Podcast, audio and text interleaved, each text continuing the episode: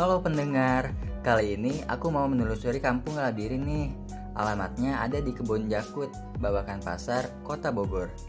Sejak menjadi kampung tematik budaya dan menjadi kampung berseri Astra, melalui program Corporate Responsibility atau CCR yang dikelola Yayasan Astra Honda Motor. Kampung Labirin terus dibina melalui program pemberdayaan ekonomi masyarakat menjadi destinasi wisata berskala kampung di Kota Bogor. Apa aja sih di, di sana? Yuk ikutin terus penelusuran kita di Kampung Labirin.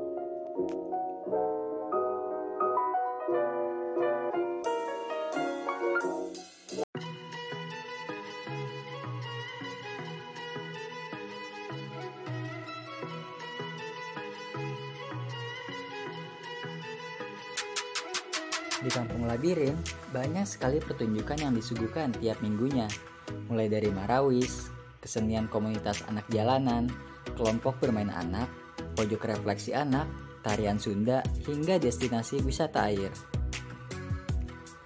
Tak kalah seru, di Kampung Labirin banyak sajian kuliner khas Bogor baik tradisional hingga kuliner kekinian seperti soto kuning, toge goreng, emping jengkol, dan jajanan tradisional lainnya.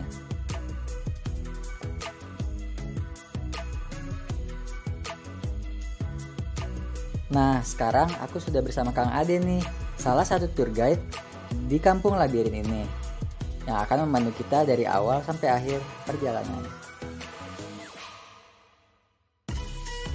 Awal mula sih sebenarnya tercetusnya dari perubahan warga sih, warga yang ingin, maksudnya kok kampung tuh kayak gini terus gitu, pengen ada perubahan gitu. Jadi akhirnya kita awalnya tuh ngumpul, sering ngumpul ngobrol, kita buat apa ya untuk perubahan kampung di sini, kesejahteraan warganya gitu. Akhirnya ada satu orang atau dua orang yang punya ide kenapa kita nggak buat wisata aja gitu. Akhirnya mikir kita buat wisata apa nih?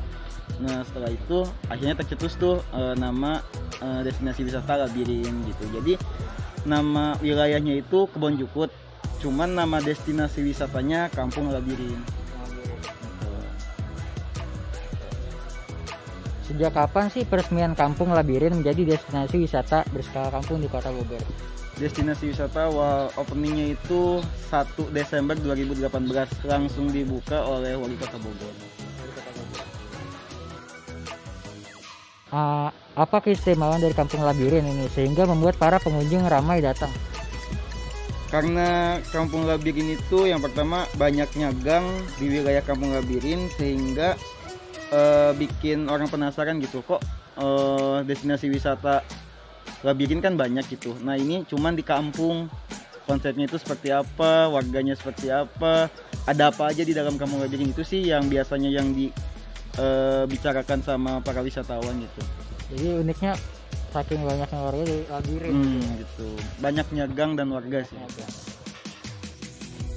Di tengah pandemi ini kan masih berlangsung ya sampai saat ini ya. Bagaimana menjaga kelestarian budaya kampung Labirin agar terus terjaga setiap harinya? Kalau kebudayaan sih kan itu jatuhnya turun temurun, turun temurun ya. Jadi saat pandemi ataupun enggak ya budaya itu masih melekat pada diri warga masing-masing sih gitu. Cuman hanya ketika didatangkan pandemi ya penghasilan warga dari destinasi wisata itu jadi nggak ada. Apa syarat tertentu untuk memasuki kawasan destinasi Kampung Labirin? Yang pertama kita uh, kalau sebelum pandemi ya reservasi online dulu gitu. Terus booking berapa orangnya terus kita arahkan ke pintu masuk di sini. Setelah itu kita uh, ditawarkan mau paket ada paket-paketnya gitu. Jadi paket satu paket dua paket tiga gitu. Setelah itu kita ajak berkeliling kampung. Nah sambil berkeliling kampung itu kita menyaksikan beberapa atraksi yang tadi kata marawis, to musik, e, tari-tarian dan terakhir di wisata air main perahu ini. Dan kita pun nggak dilepas gitu aja kita ada tour guide-nya yang bimbing. Bagaimana penerapan protokol kesehatan di Kampung Labirin? Yang pertama kita udah bersertifikat CHSE dan itu syarat utama dari Kementerian Pariwisata. Uh, jika ada destinasi wisata yang ingin buka di masa pandemi itu wajib bersertifikat CSE dan bukan hanya kampung wisatanya orang-orangnya pun seperti kita sudah pernah mengikuti pelatihan dan bersertifikat CSE jadi itu sih syarat utama ketika ada orang protokol kesehatan di labirin kayak gimana? Kita tinggal nunjukin sertifikat. Mungkin Mas tadi lihat ya ada beberapa anjuran untuk menggunakan masker seperti itu. Dan ketika wisatawan pertama masuk ke sini yang pertama dicek suhu mungkin uh, cuci tangan dan kalau uh, itu kan sebelum divaksin ya. Nah sekarang setelah divaksin kita ada barcode pakai bingkai gitu. Jadi nah kayak gitu syaratnya festival apa saja di, yang diselenggarakan di bulan di, setiap bulannya di Kampung Labirin? Sebelum pandemi kita tuh mengadakan festival dua bulan sekali di Sabtu dan Minggu. Cuma ya festivalnya seperti yang tadi kita jalan-jalan gitu berkeliling kampung menikmati kampung menikmati budaya yang ada di Labirin kuliner sambil kita menyaksikan atraksi-atraksi dari teman-teman Labirin Nah, apa saja sih fasilitas yang tersedia bagi wisatawan dan apa ada kuliner khusus untuk membuat wisatawan menyukai kampung Labirin?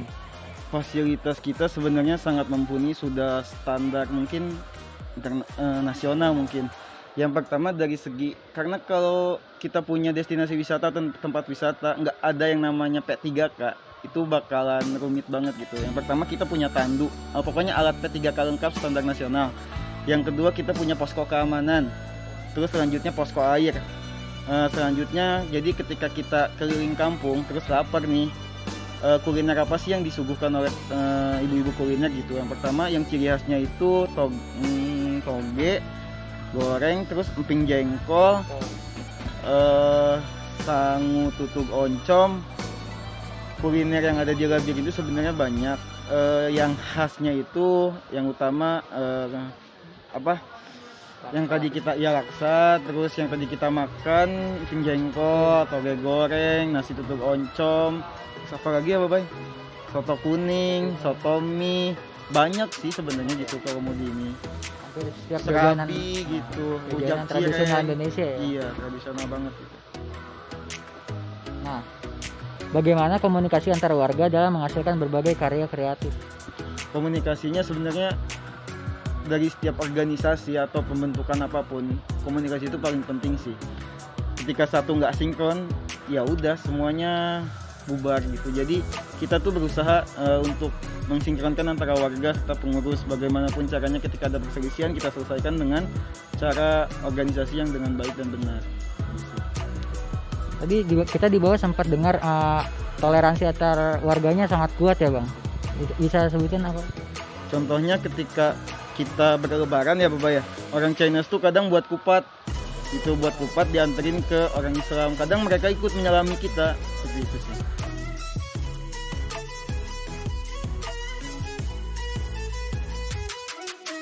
Bang, infonya dong kali aja kok teman-teman teman-teman pemirsa ada yang mau ke sini bersama keluarganya atau bersama teman-temannya. Okay. HTM-nya berapa sih kalau boleh tahu? Kalau HTM sih tergantung ya.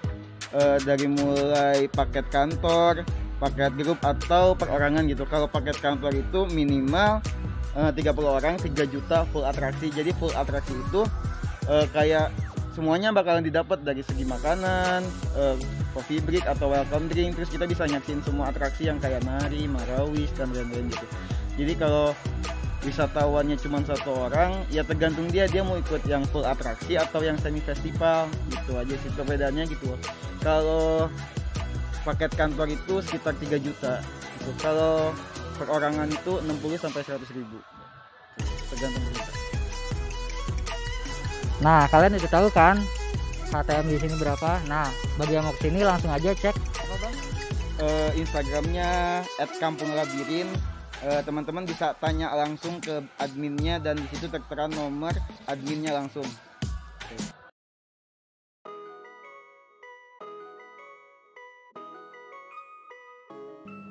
Nah, pendengar, sekian dulu ya penelusuran hari ini mengenai kultur dan kreativitas di Kampung Labirin. Dari informasi yang kami dapatkan, Kampung Labirin sangat cocok untuk dikunjungi bersama teman ataupun keluarga di, di akhir pekan. Untuk informasi selanjutnya seputar Kampung Labirin, pemirsa bisa cek di Instagramnya di @kampunglabirin. Sekian penelusuran dari kita, saya pamit undur diri. Terima kasih dan sampai jumpa. こから見ても素敵だよ行くよ I think we got one I put the team up on my back like I'm Marshawn When I ask niggas for help, yo I got